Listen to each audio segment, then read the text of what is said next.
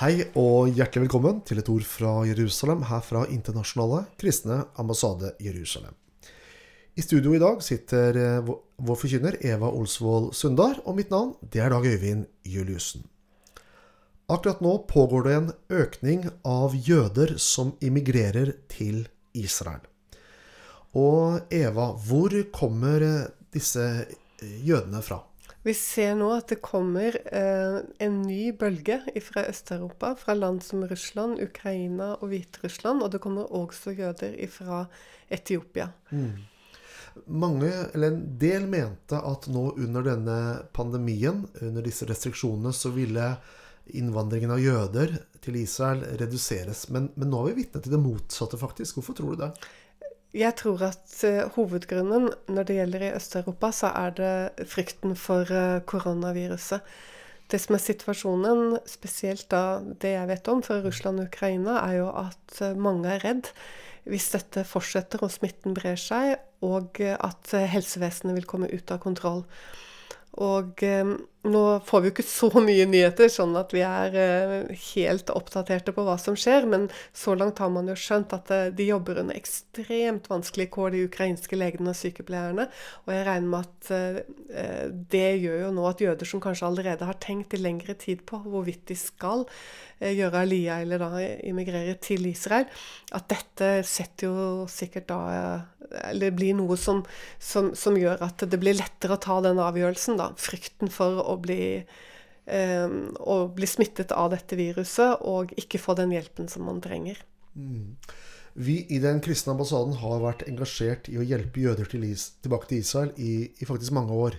Eh, nå begynner vi å nærme oss snart 160 000 jøder som vi har hjulpet tilbake til landet. Og nå under koronapandemien eh, så er det i løpet av denne uken her 760 jøder som vi har fått lov til å hjelpe tilbake til landet. Eh, de kommer tilbake til karantene, og vi er med og betaler oppholdet for dem på koronahotell. Eh, og, og, og, hjelper dem med, med, integrering i landet. Eh, dette med at jødene kommer tilbake For det, det, er jo det som er spesielt her. Det er ikke bare snakk om utvandring og innvandring, men som vi sier, at jødene kommer hjem til landet. Dette er noe som har pågått i mange år. Men men hva har Bibelen å fortelle oss om eh, disse tingene, Eva? Mye. Eh, det er kanskje noe av det det står eh, mest om i forhold til det profetiske som gjelder i vår tid. Og du finner det hos de tre store profetene, både Jesaja, Jeremia og Jesekel. Og det står mye om det. sånn at hvis vi skal velge ut noe, så blir det bare, blir det bare liksom et utvalg i et hav av lignende eh, profetier. Vi kan f.eks. nevne i Esekel kapittel 39, de siste versene der. I det kapitlet der står det Når jeg fører dem tilbake fra folkene og samler dem fra deres fienders land, og jeg helliger meg iblant dem for øynene på mange folkeslag, da skal de kjenne at jeg er Herren deres Gud, som førte dem i fangenskap blant folkeslagene, men som også samler dem til sitt land, og ikke lar noen av dem være igjen der ute. Jeg skal ikke mer skjule mitt åsyn for dem, for jeg skal utøse min ånd over Israels hus, sier Herren deres Gud. Mm. Dette er ett av stedene. Og du ser dette her at han skal ta dem hjem, alle sammen. Han skal, han skal ikke la noen av dem være igjen der ute. Det er ganske sterke ord. Ja. Men det gjør jo også at vi vet at her har vi med en profeti å gjøre som ikke kan være oppfylt. For dette vet vi. Noe lignende har aldri skjedd. Vi vet at det har vært en hjemkomst fra slaveriet i Babylon, og at, og at profetene også profeterte om det. Men da var det aldri aldri snakk om at alle jødene kom hjem. For det som kjennetegnet hjemkomsten etter slaveriet i Babylon, det var at bare mindretallet kom hjem. Men så sier profetene flere steder, du finner det hos Jeremia også, i flere av kapitlene, bl.a. i Jeremia 23, at alle skal komme hjem. Og Amos han sa det jo slik at når han planter dem i landet, etter at han har tatt dem hjem fra folkeslagene, så skal han aldri mer rykke de opp igjen. Sånn at det er så klart, og det er så tydelig. Og Jesaja, han har jo noen hvor du rett og slett eh, Hvor han ser dem kom, At de kommer som duer til eh, skal vi si, det står, i, det står i Jesaja 60 så står det at når han fører dem tilbake fra folkene, så kommer dette at hvem er disse som kommer flyvende som en sky, som duer til sitt rede? Sannelig Fjerne kyster skal vente på meg, skipene fra Tarsis skal komme først, så de kan føre dine barn tilbake, langt bortenifra. Deres sølv og gull kommer sammen med dem, til Herren din Guds navn og til Israels hellige, for han herliggjør deg. Dette var liksom et litt mer sånn mystisk. Eh, vanligvis så er det veldig bokstavelig og veldig konkret, men samtidig så kjenner vi det igjen. Og, og også så ser du at profetordet klarte å ta dette med at først skal han fiske dem, og så skal han sende jegere. sånn at eh, Ja, du, du, finner det på veldig mange måter, da. Ja, til og med Moses sa det før de kom inn i landet. At de skulle spres utover jorden, og så skulle Gud hente dem tilbake en dag. Og det er jo ganske interessant at denne historien her, som er nedskrevet i Bibelen på forhånd, den finner nå sted i våre dager.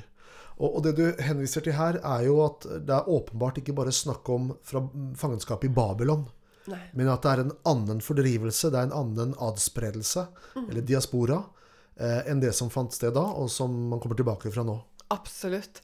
Og jeg bare tar med ett eh, veldig interessant vers også fra Jesekel 37, hvor du nesten hører perioden etter holocaust. Mennesket, disse knoklene, er hele Israels folk. Hør hva de sier. Våre knokler er tørket inn. Vårt håp er knust. Det er ute med oss. Tal derfor profetordet til dem og si:" Se Herren, Gud, se mitt folk, jeg åpner gravene deres og lar dere stige opp av deres graver, og jeg fører dere til Israels land. Det er vel sånn jeg tror mange jøder opplevde det i, uh, i 1945. Mm. Ja, fantastisk. Vi skal snakke mer om dette, men nå skal vi høre om en sang som nettopp handler om dette. Oh, daughters of Zion, oh, Abraham's sons, hear the words of your father, hear his promise of love. I will make you a blessing.